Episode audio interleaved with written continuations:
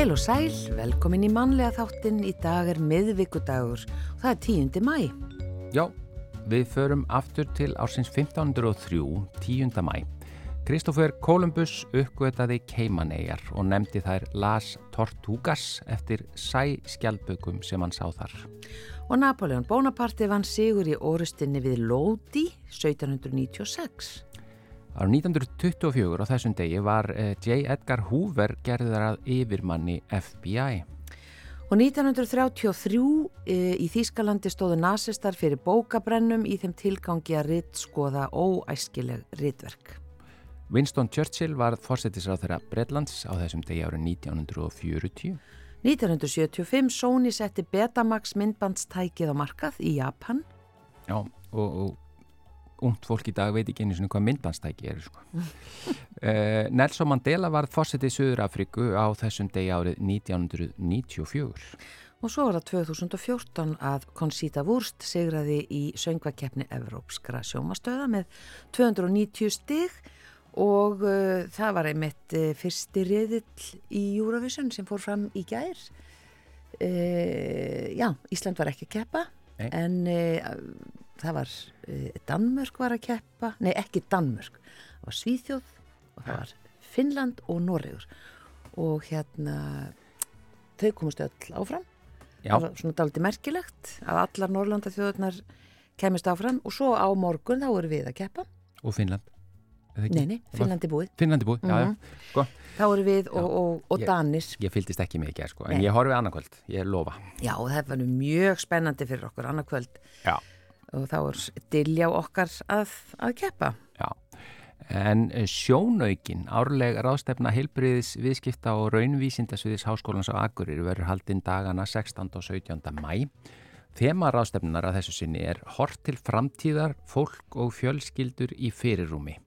Þar munu meistaranemar kynna meistaraverkefni sín og rannsóknir og við ætlum að fá Sigrúnu Sigurðardóttur, eh, dósent við háskólan á Akureyri til að segja okkur frá ráðstefnunni og með henni kemur Rebekka Sif Pétusdóttir uh, meistaranemi en hún ætlar að segja okkur frá rannsókn sinni erfið reynsla í æsku, ACE og helsufarslegur vandi á fullorðisárum. Nú flestir vita að Erasmus Plus styrkir evrópska nema til að fara í skiptinám til annara Evrópulanda en Ísland er aðili að prógraminu og hafa íslenski nemar verið döglegir að nýta sér þessa styrki. En færri vita að nú getur fólk á þriðja æfiskeiðinu sem er í einhvers konar námi gert að líka. E, það er sem sagt eh, ungmennaprógramið Erasmus Plus er farið að ná til fólks á þriðja æfiskeiðinu og sýnir þarna viðhorsbreytingu til fólks á eftirlauna aldrinum. Hann kemur hingað hann, Hans Kristján Guðmundsson og segir okkur nánar frá. Já, og við fáum postkort frá Magnús er eina sinni í dag, Kríning Karls þriðja breytakonungs er til umfjöllunar í postkorti dagsins en Magnús finnur til tengingar við konung vegna þess að þeir eiga sama ammælistak. Og í setni hluta postkortsins segir hann frá því þegar að englendingar rændu Vestmannegar árið 1614 en nú er talið að tengingar séu milli þess atburðar og svo Tyrkjaránsins 13 árum síðar 1627. En við byrjum á tónlistinni, Snorri Helgason flyttur hér lagsitt og texta, Ingi Leif. Ég sá þið stöylast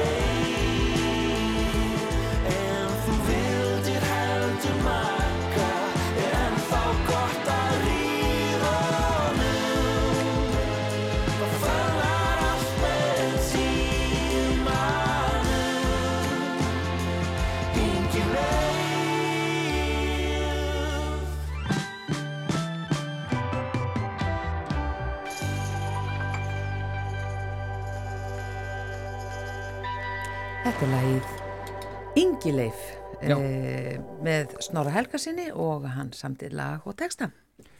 Já, við ætlum að uh, spjalla aðeins hérna við, uh, næstu mínútur við Sigrúnu Siguradóttur, dósent við Háskólan á Akureyri og Rebekku Sif Pétustóttur, uh, meistaranema. Uh, það er sem sagt sjónaukin árlega ráðstefna heilbriðis og viðskipta, uh, heilbriðis viðskipta og raunvísindasviðis Háskólans á Akureyri verður haldinn 16. og 17. mæ. Velkomnar í mannlega þáttinn. Takk, Takk fyrir. Aðeins um ráðstefnuna, uh, Sigrún? Já, rást, þetta er rástefna sem er árlegur viðburður í Háskólanum á Akureyri þar sem að, og hefur verið síðusti ár, þar sem að mistra, svona, eh, aðal, aðalega er þetta mistranemar að kynna mistraransóknir sínar á öllum sviðum heilbriðsvísinda og svo er fagfólk og, og estarsfólk og annara fólk að kynna sínar rannsóknir. Já, En hlutur, meiri, hluti erindi eru, eru mistranemar já. sem eru, eru í náminni hjá okkur. Og það, það eru að því við höfum verið að fjalla mjög mikið í þættinu hér um til dæmis áföll og afleðingar áfalla og það er nú ímislegt sem er verið að kynna þarna sem að kemur að því. Já, einmitt og hérna þannig eru mínir nefnendur sem, eru, sem ég hef verið að leipina sem er að skoða áföll, ofbeldi og aflengar og úrraði og frá öllum sviðum í raun og veru og það er alveg nokkur erindi, allavega já, sjö erindum á því sviði Já. sem að hérna fjallar um þá meðal annars er, er rannsókn Rebekku Já, eh, þá bara hendum við boltanum yfir á Rebekku, Rebekka Sif Pétursdóttir.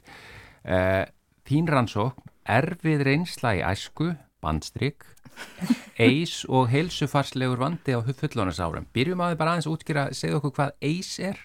Eis Já. er í raun og veru erfileg, erfi reynsla í æsku sem ástæði fyrir átunaraldur og þegar við erum að tala um eis þá erum við raun að tala um það að einstaklingur verður fyrir hverskins ofbeldi, andlegu, líkalegu, kynfyrirslegu, búið við gæðrannan vanda, áfengislifjaði fíkni vanda heimilismeðlims, orðið fyrir vannrækslu, bæði tilfinningilegri vannrækslu eða líkamlegri vannrækslu, skilnaði fóreldra, eineldi, uh, aðlist upp við stríð, kynþáttamisett og svo framvegis.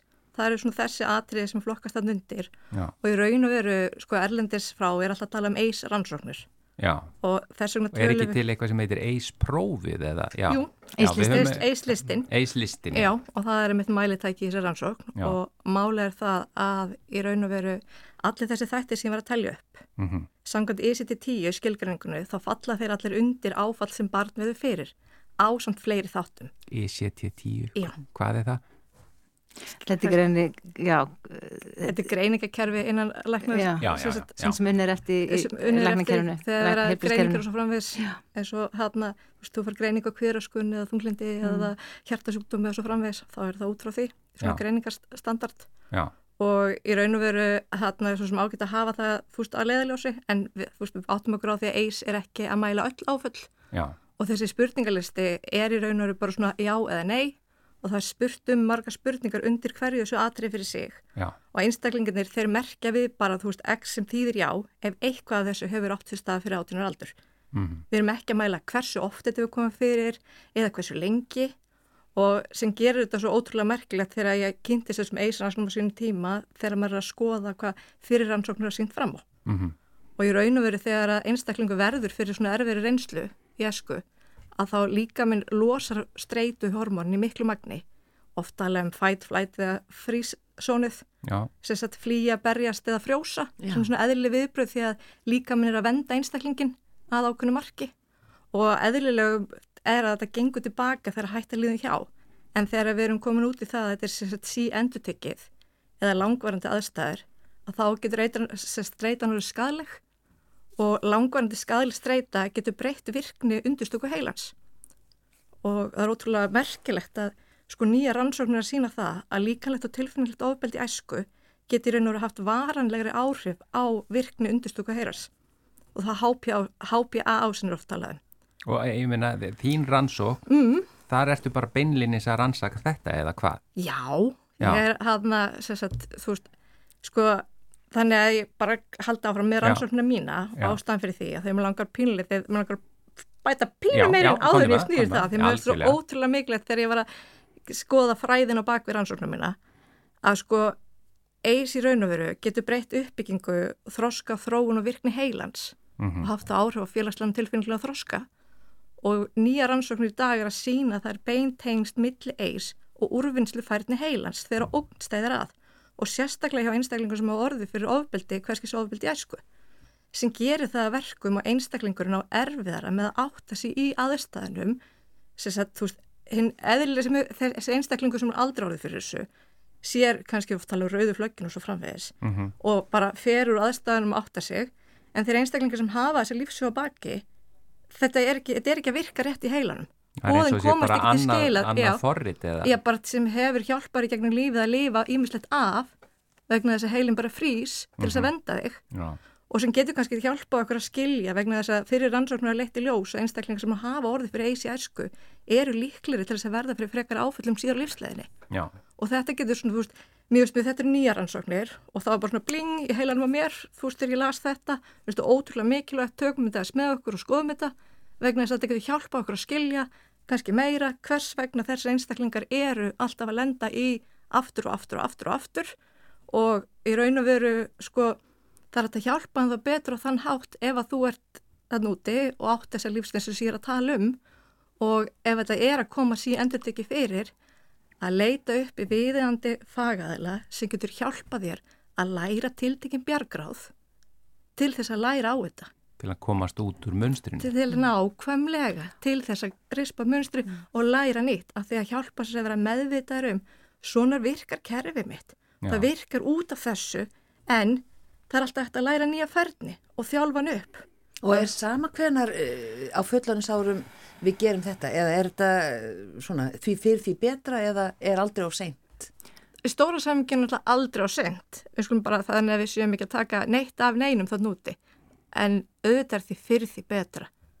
Og að fá viðeigandi aðstóð og fá viðeigandi hjálp við að læra viðeigandi hegðun og viðeigandi bjargrað til þess að bregðast við og takast á við þetta. og þess vegna kannski svo mikilvægt að, að- að vera með úrræði inn í skólakerfinu bara strax á í esku þegar börn eru að lendi áföllum sem þau kannski þekk ekki að, að við grípum þetta og talandi um þessa hérna, erfiðleika sem ungt fólk er að glíma við í dag að við séum með snemtæk inngrip og þessa svona láþröðskuta þjónustu. Og það sem kannski líka er svolítið sérst merkilegt í þessa rannsókn er að þessi eislisti sem við verðum að tala um að upphala var hann tíu spurningar af því að það voru tíu spurningar sem að voru svona algengastar í, í þessum hópi sem að þeir voru að skoða í bandaríkunum. Eh, síðan er þessi listi uppfærður og það er bætt við tveim spurningum sem að er í þessum lista og þetta er henni fyrsta skipti það ég best veit sem að rannsón sem að þessi tólspurningalisti laða fyrir og það kemur svo stert í ljósa eftir að neðustónum sko að þessar spurningar sem er bætt við það að það er spurt um einelti og þeir sem komum frá stríðsana löndum sem nú eru stór hópur hér og það er bara með merkilega niðurstu sem koma fram í rannsóknarnar repöku einmitt um einelti að þeir eru að tala um alltaf um ofbeldi og vist að, að hérna segja að, að maður hafi gjörið fyrir einhverju en vá hvað eru margir sem hafa fyrir einelti og aldrei já. tala um það Akkurat, já. og einelti er eitt af þessum eis stigum Já, sem Þannig að- getur auðvitað haft gríðarlegar afleðingar sem kemur síðan fram í rannsóknin hennar Og aftur það er bara nýkominn á listan. Það er svolítið merkið. Hér heima, Já, já, hér, já. já, við hérna, listin er náttúrulega kom fyrst inn og bara svo, svo þú veit að því að fólk hann kannski spyrja líka spáði hvað er þessi eislisti en hann er nýkomin inn rafræn hjá geðhjálp.is Mm. hann eða langar að skoða eis og, og skoða hvað með mikið mörg eis þá getur þú farið inn á geðhjálp.is og þar er listin undir fræðslu og þar er þessi tól, nýju tólspurningalisti komin inn en Já, hann og er þegar þið víða segið- tíu segið með mörg eis þá er rauninni bara hversu mörg áföll Já, und- undir listanum. Já. mismunandi, skulum passa okkur Já. að því hversu marg, mörg mismunandi áföll þú hefur að baki. Þetta er ekki verið að meta hversu umfóðsmikið eða hversu, Hversu oft, oft eða heldur hvers- hvað marga tegundir og, og þetta er bara verið að skoða. Það er bara verið að skoða það og tengsl við. Já, en hvaða meðferðar úrræði þá duga best?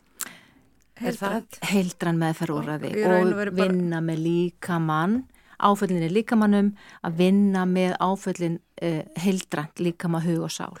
Við erum náttúrulega bara sko, ef við horfum út frá áfallafræðanum og bara, bara innlengu á, áfallar meðferð, sko þú vinnur aldrei hraðar heldur en sálinn leifiðir. Og það skiptir svo gífulega miklu máli í allar áfallar meðferð að sá sem að ber áfallin, hann stýrir ferðinni. Já. Og það getur enginn sagt til nema einstaklingur sjálfur hvort það sé verið að fara á hratt eða hægt. Og það að sko þessum sem veist, mikilvægt þverfaglegt teimi sem stendur þessum einstaklingu til bóða af því að það er ekki bara endilega að sko, það verður svona komist, jú, við þurfum að tala um þetta, já, já, en það er ekkert allir tilbúin til að tala og en afleggingarna búa í líkamannum og sálinni Og eina afleðingunum er meiri sér það að forðast að tala um það. að sjálfsögðu, eðlilega Já, Guð almáttugur og, og, og svo er líka bara sömur afleikan þannig að þú manst ekki einu sinni Mhm. já, já. og sem betur ferstundum í sömum tilfengum því langar ekkert að muna þetta allt saman En líkamann mann.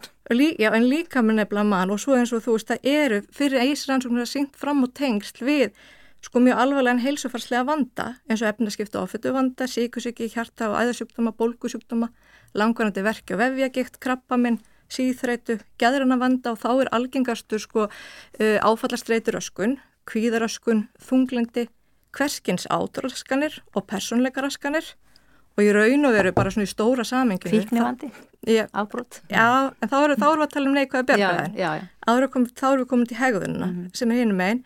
Just í stóra samikinu, það heitir þetta svolítið sko eðlilegar afleggingar af þessum óeðlum atbyrjum sem hafa átt sér stað.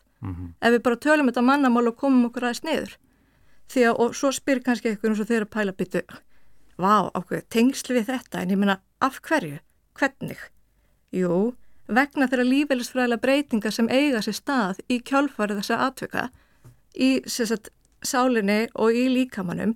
Ég meina það er búið að sína fram á það eis hefur neikvað áhrif á þróun og öndunarkerfið, innkirtla og ónæmiskerfið, tauga efnaskipta hjarta og æðakerfið og þess vegna er svona algengt með hilsufarslega vandar síðar lífsleðinni en það er líka, sem kemur út í þessi síður að benda á, mjög algengt að einstaklinginni leiðast út í neikvað bjargráð til þess að takast á við aðstæðunar já. leiðast út í neikvæð bjargrað. Hvað áttu við með neikvæðan bjargraðum? Jú, neikvæð bjargraður eru hverskinn sjálfskaðandi hegðun, fíkni neysla, eh, hérna, lifja áfengisvandi, óheilbröðar kynlífsvenjur, ofátt, uh, kyrseta, sjálfskaðandi sker sig og svo framvis. Þannig að Það- komum náttúrulega inn í ópíða faraldarinn, svo kallaðan, sem Já. að krakkar Úst, og eru að þetta- deyfa sem er rifjum. Þetta er allt bara svona á sum og í raun og veru allir þessi þættir, saman hverja eru, þeir hafa áhrifin á sumu brautin í töðakjörnu. Og við, komum er bara að deyfa sig til þess að geta lifa lífið af. Þetta, þessi rástefna, Mjög hún er merkileg. haldinn uh, á vegum uh, Já. Háskólans á Akureyri Já. 16. og 17. mæ Já. og hann, veri, henni verið streymt líka Jú, streymt, á Já. stre- í streymi. og það er þetta að finna það bara undir Já. unak.is ekki já, satt? jú. En mér langar svo að vita, segir aðeins frá niðurstöðunum saman við einheltu og fleira. sem Heyrðu, kom fram í þínir rannsóknum. Já, því við erum bara, bara að tala stuttu máli. stuttumáli. Já. Erðu rannsóknin fór fram á, sérst á Reykjulandi, þar sem við lögum eislistan fyrir. Og það er á Reykjulandi er fólk að koma í endurhæfingu, inn á átta endurhæfingasvið. Og við settum fram að þrjá rannsóknarspurningar, hvort það væru tengsl milli eis og heilsuvæslis vanda meðal einstaklinga á leiði endurhæfingu. Og er munur eftir kyni, aldri, ástæða endurhæfingar og endurhæfingasviði og hvert er algengasta eisið og niðurstöðnar sína í raun og veru sko að Svarhlutfallið okkar var 99%, það voru 379 sem tóku þátt. Þetta er svakalega flott Allir svarhlutfall. sem voru Reykjalundi frá janúar til oktober. Oktober tóku þátt. 2022, Tvö, já. Og þar voru 35,6% karlar, 63,6% konur og 0,8% kynsegin og engin annað kyn. Og meðalaldi þáttakandur var 47 ár og við pælum í sko kynsegin þáttakandur okkar, þeir voru bara þrýr. En þetta er fyrsta eisrannsóknum sem vita er til um í heiminum þar sem að kynsegin þáttakandur er einnig. Og þeir, þú veist, það var ekki eftir að hafa þau með í sko álíktunatölfræði en það er ótrúlega mikilvægt. Allir einstaklingar skipti af miklu máli öll lífsreynsla skipti miklu máli og við þurfum að skoða líka og viðkynna að horfa. Mm. þar lendi eru þau með líka í lýsandi tölfræði gögnunum við þurfum bara að tólka með þeim fyrirvara að hér eru bara þrýr einstaklingar á bakvið þetta Og sem er ótrúlega áhugavert við þessar rannsóknir að helmingu þáttakanda hafa verið fyrir einelti. Og það er eitthvað sem hefum aldrei spurt um í helbriðskjörun áður. Einelti er og tengst við heilsu og svandam og sveitnarlýsliðin sem við þurfum að fara að skoða. 50% reynaldi og þar af 50% kvenna 48% karla og allir kynsegin. Og ef við pælum meira með eineltið að því að hæsta hlutfallið af þeim sem voruð fyrir einelti er 69% einstaklinga á efnarskipta ofutisviði og þar af var líka 42% þeirra sem voruð fyrir kynfyrirsopildi. Við verðum bara að benda fólki á að já. endilega finna uh, streymið frá uh, segja 16. og 17. mæ Já. uh, þetta finna undir unag.is og, og Háskólan á Akureyri á Facebook ég þakka ykkur innlega fyrir komuna Sigrún Sigurðardóttir dósent við Háskólan á Akureyri og Rebecca Sif Pétursdóttir meistaranemi, takk fyrir að segja okkur frá Já, takk, Takk fyrir.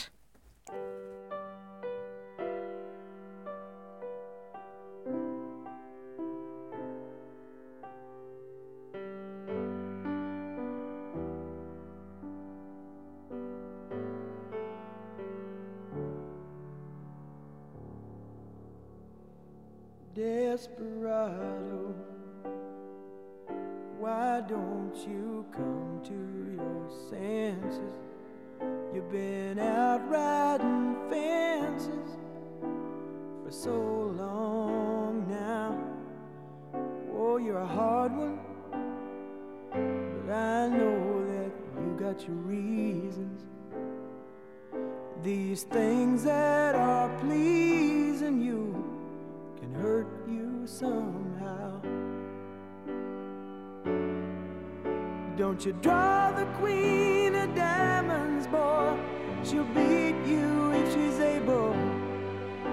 You know the queen of hearts is always your best bet. Now it seems to me some fine things have been laid upon your table, but you only want the ones that you can't get. Desperado, oh, you ain't getting no younger. Your pain and your hunger, they're driving you home. And freedom, oh, freedom, well, that's just some people talking. Your prison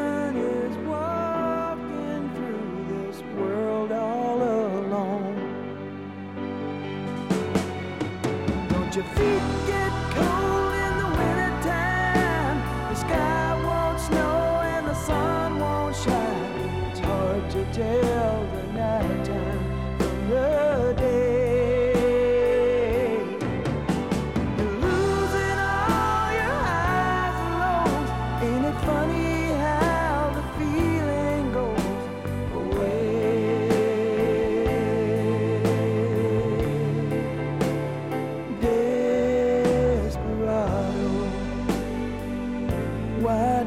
you come to your senses?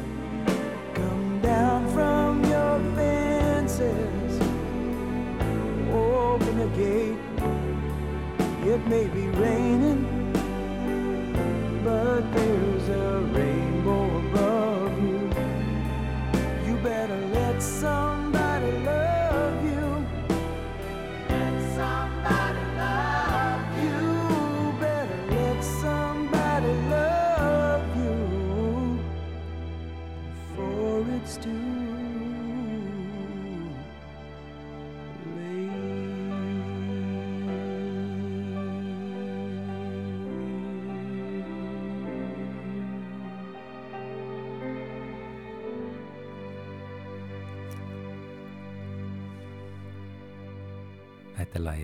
Desperado með hljónstinni Eagles, lagið eftir Glenn Frey og Don Henley.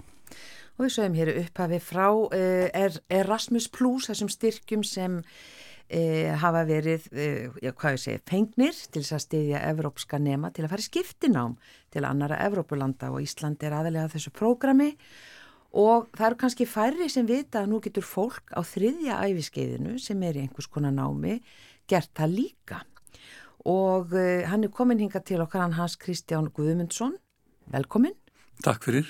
og það er þetta sem uh, heitir U3A Reykjavík Háskóli þriðja æfiskeiðsins uh, og þú þekkir þetta vel að því þú ert nú bara þessa dagana að taka á móti nemum frá Alicante en ef við kannski byrjum að byrjuninni hvað er U3A?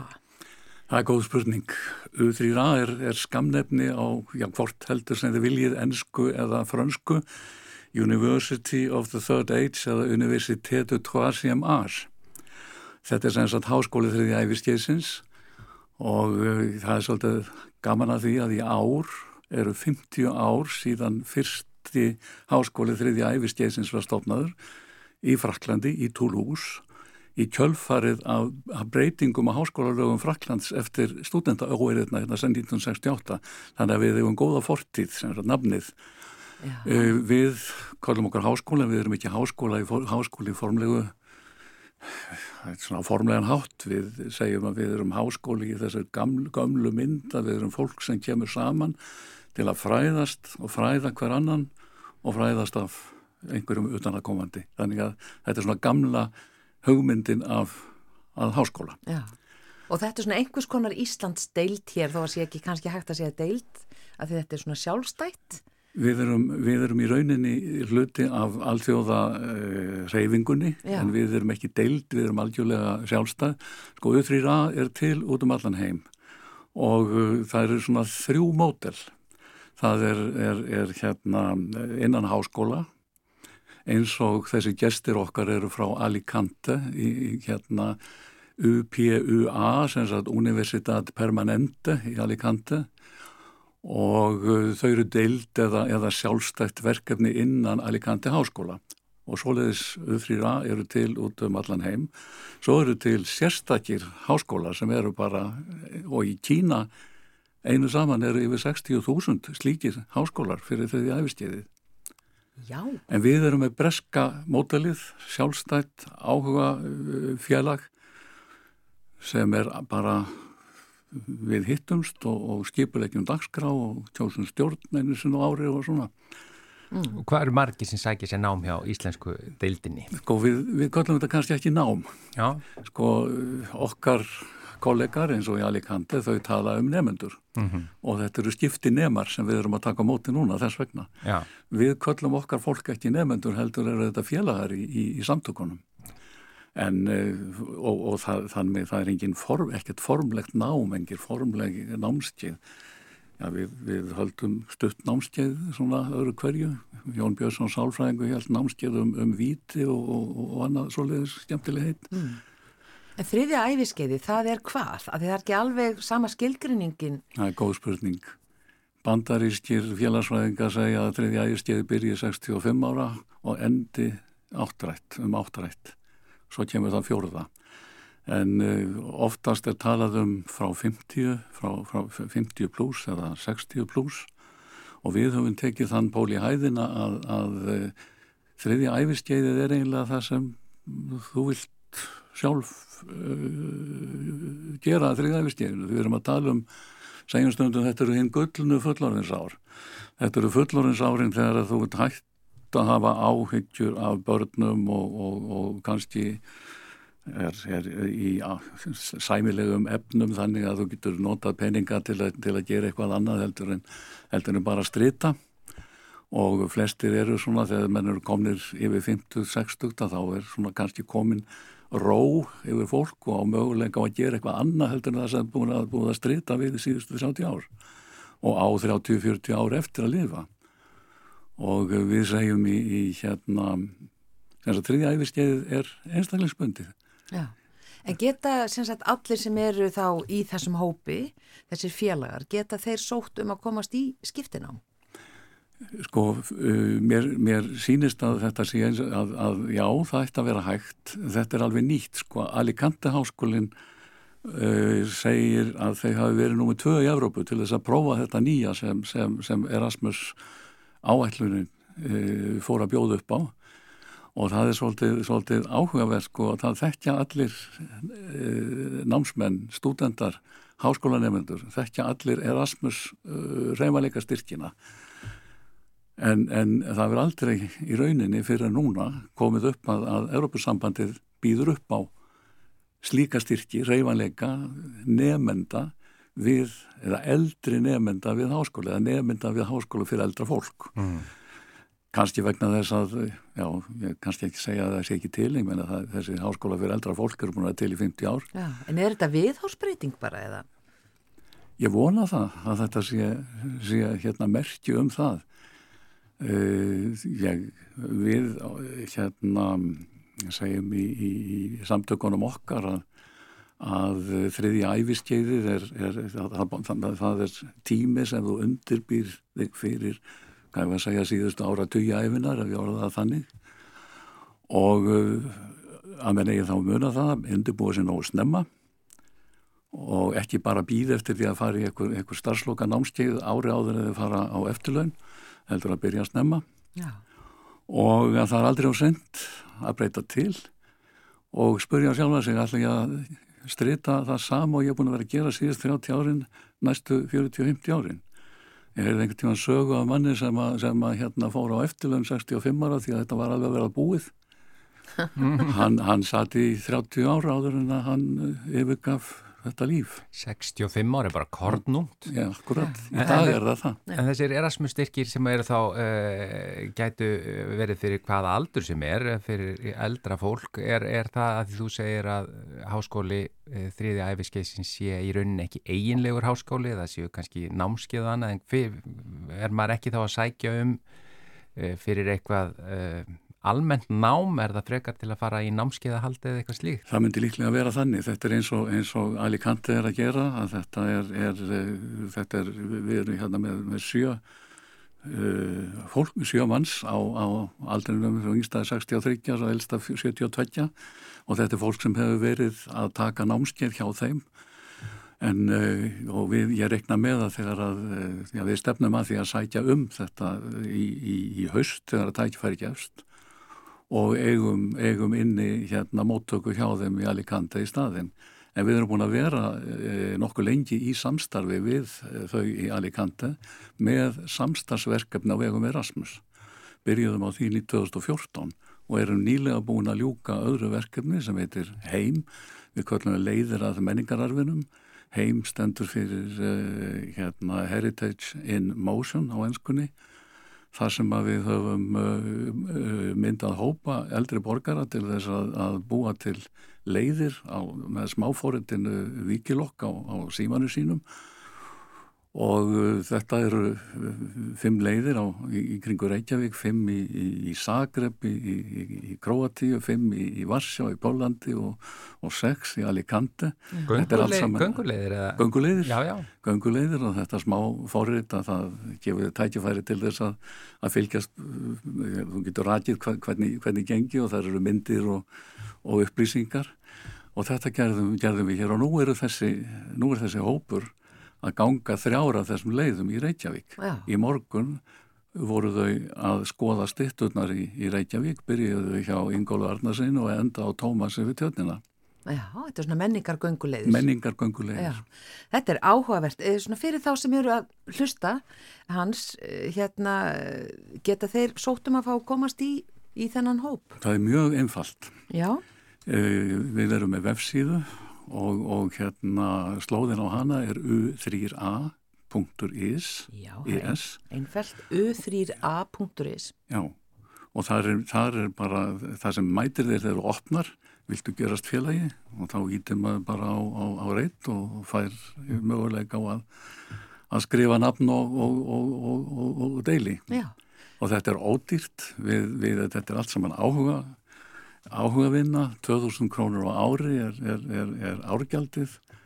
Og svo erum við með erindi yfir vetrarmánuðina á hverjum þriðjudegi. Ja. og þetta er mjög fjölbreytt og alveg ótrúlegt og bara nota tækifæri að þakka öllum sem, a, sem að koma og, og hérna halda erindi fyrir okkur yfirleitt fyrir ekki neitt. Já, þetta er, þetta er skemmtilegt, skemmtilegur uh, hérna hópur greinilega. Ég get kannski bæti við eh, hérna að, að eh, við byrjuðum 2012 Mm. með 49 stofnfélaga, Já. nú erum við 1200 1200? og það var Já. mæst held ég yfir 100 við á, á síðasta starfsári.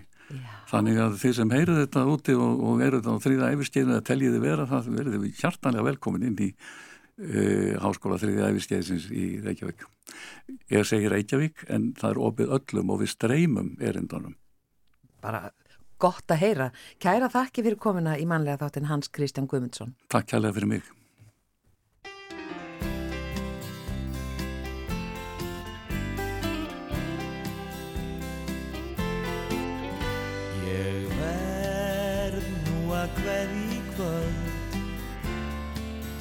Kem ekki um sinn.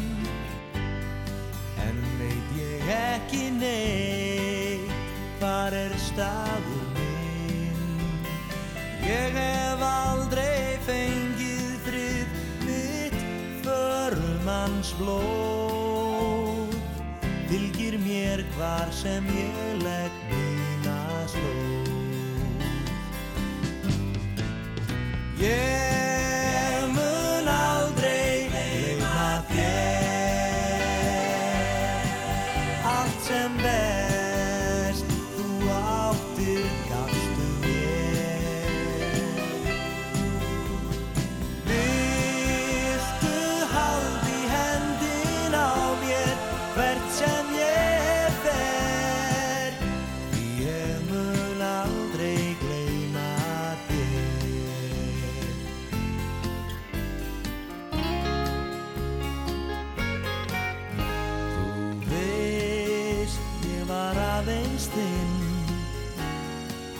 Vordærin laun Okkur sín ástarljó Öll veröldin söng.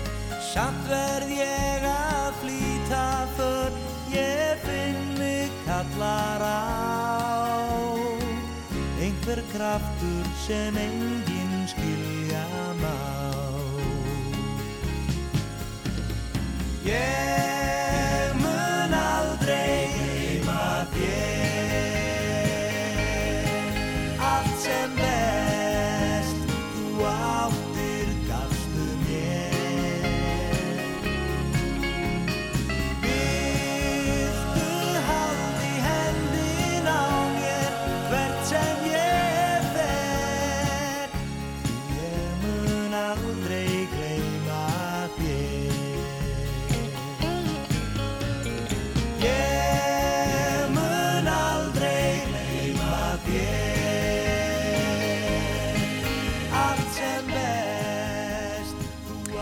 Ég mun aldrei gleyma þér, e, syngur Brimklóm og spilar, lag eftir Robbins en Jón Sigursson samt í íslenska textan. Já, en nú er komið að postkorti frá Magnúsi R. Einasinni. Heil og sæl.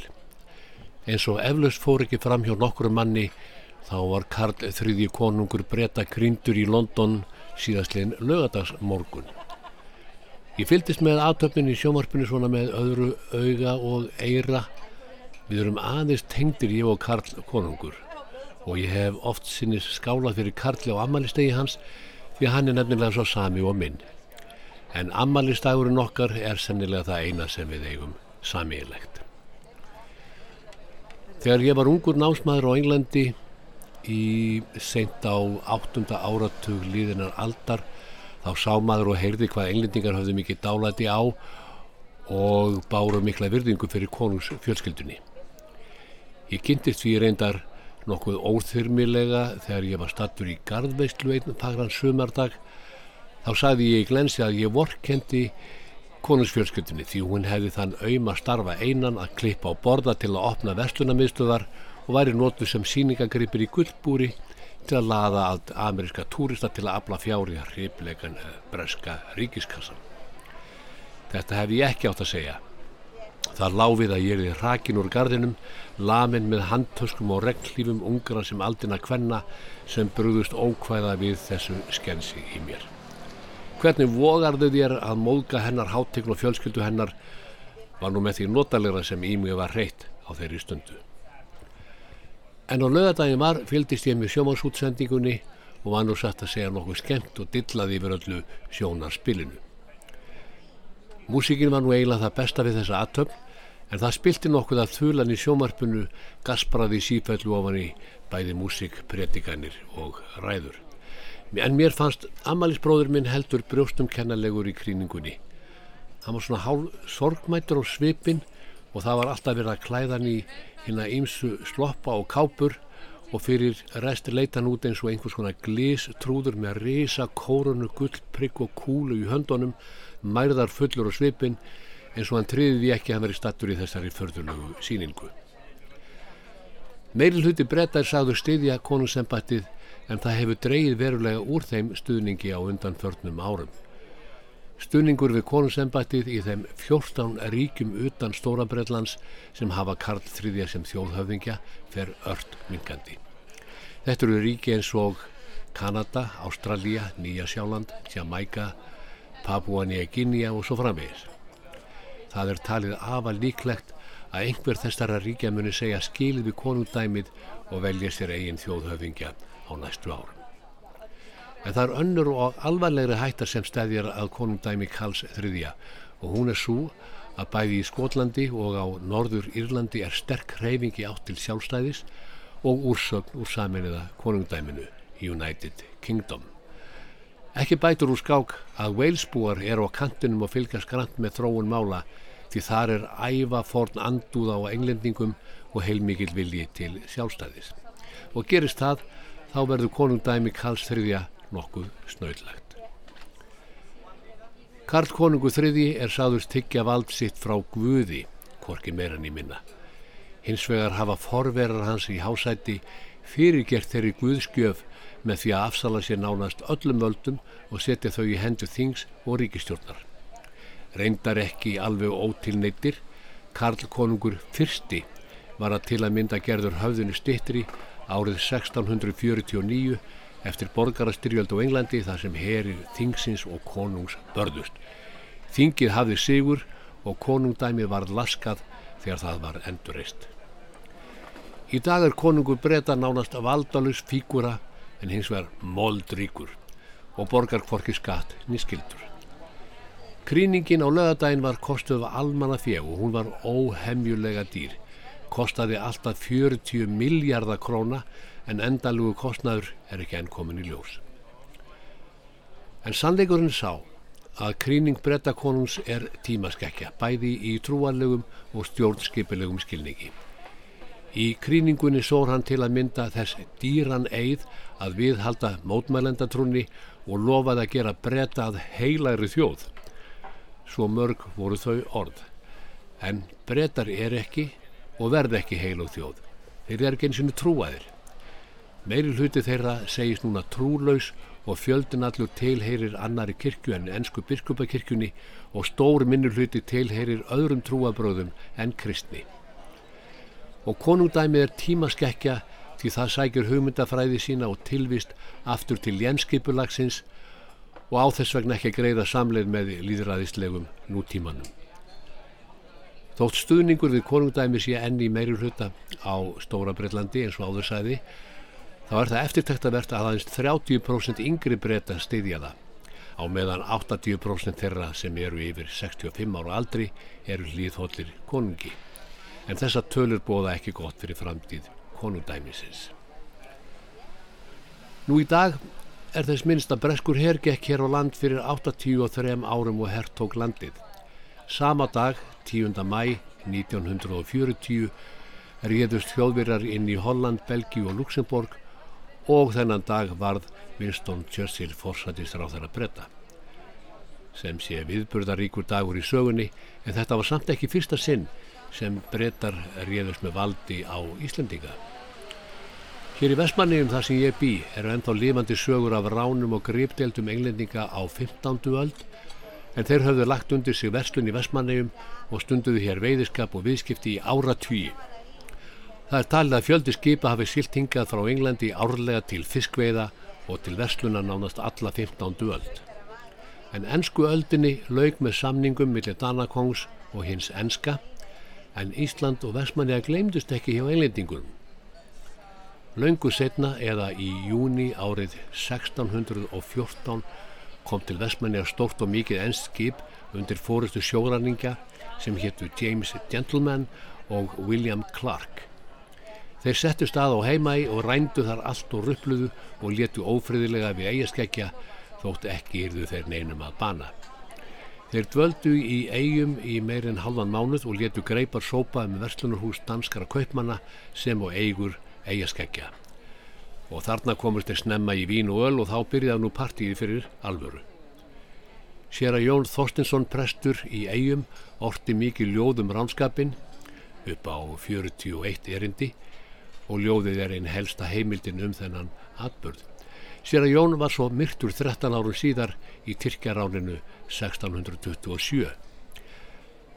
Rán englendingana hefur fallið skuggan af þeim vovefilega atbyrði sem er sá hræðilegasti sem yfir eigamenn hefur dunið. En það bendir eitt og annað til þess að þessir atbyrði séu tengdir. Meru það hér og eftir.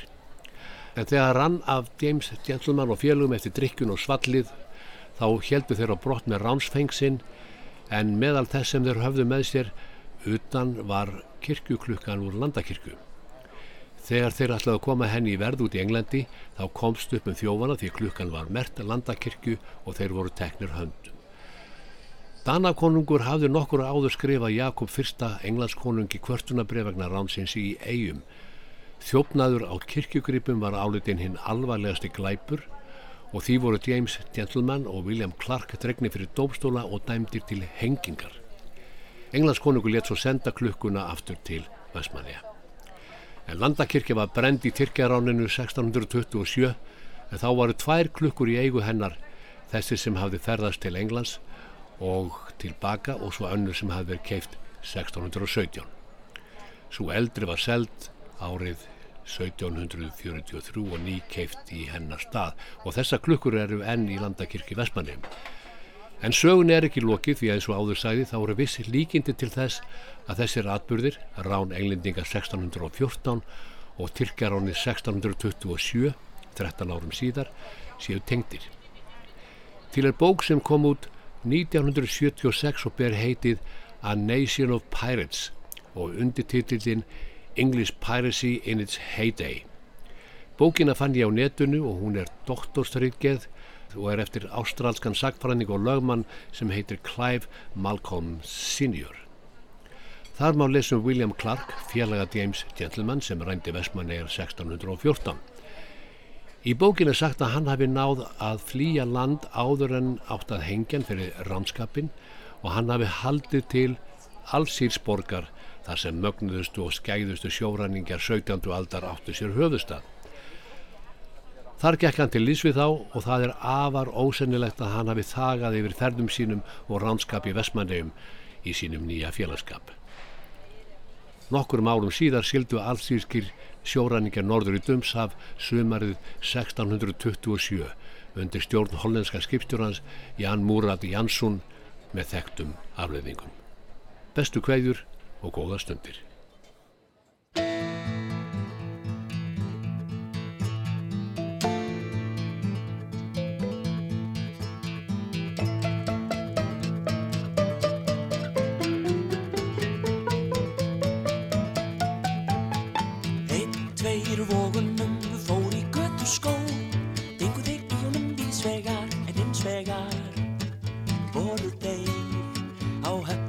Höftunum eftir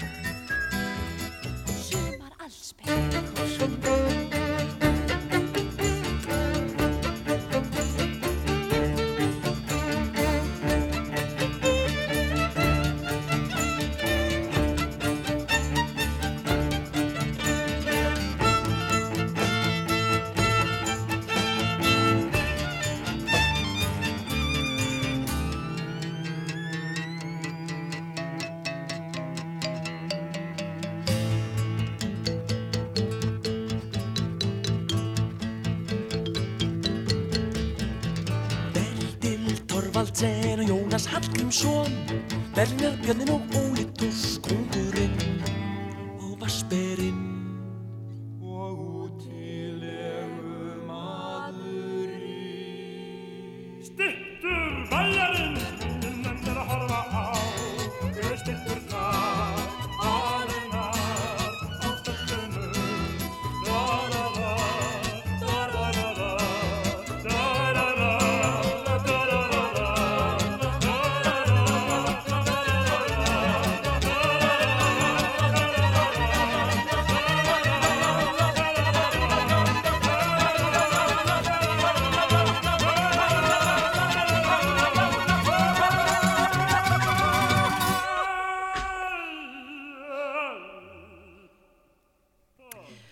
Spilverk þjóðana stittur bæjarins og þetta er síðasta lagið í mannlega þættinum þennan miðvöku daginn. Já, við verðum hér auðvitað aftur á sama tíma á morgun. Og þá ætlum við að tala um svefn unglinga. Já, meðal annars og fleira áhugavert, þannig að við bara þökkum innlega fyrir samfélgin í dag. Verðið sæl.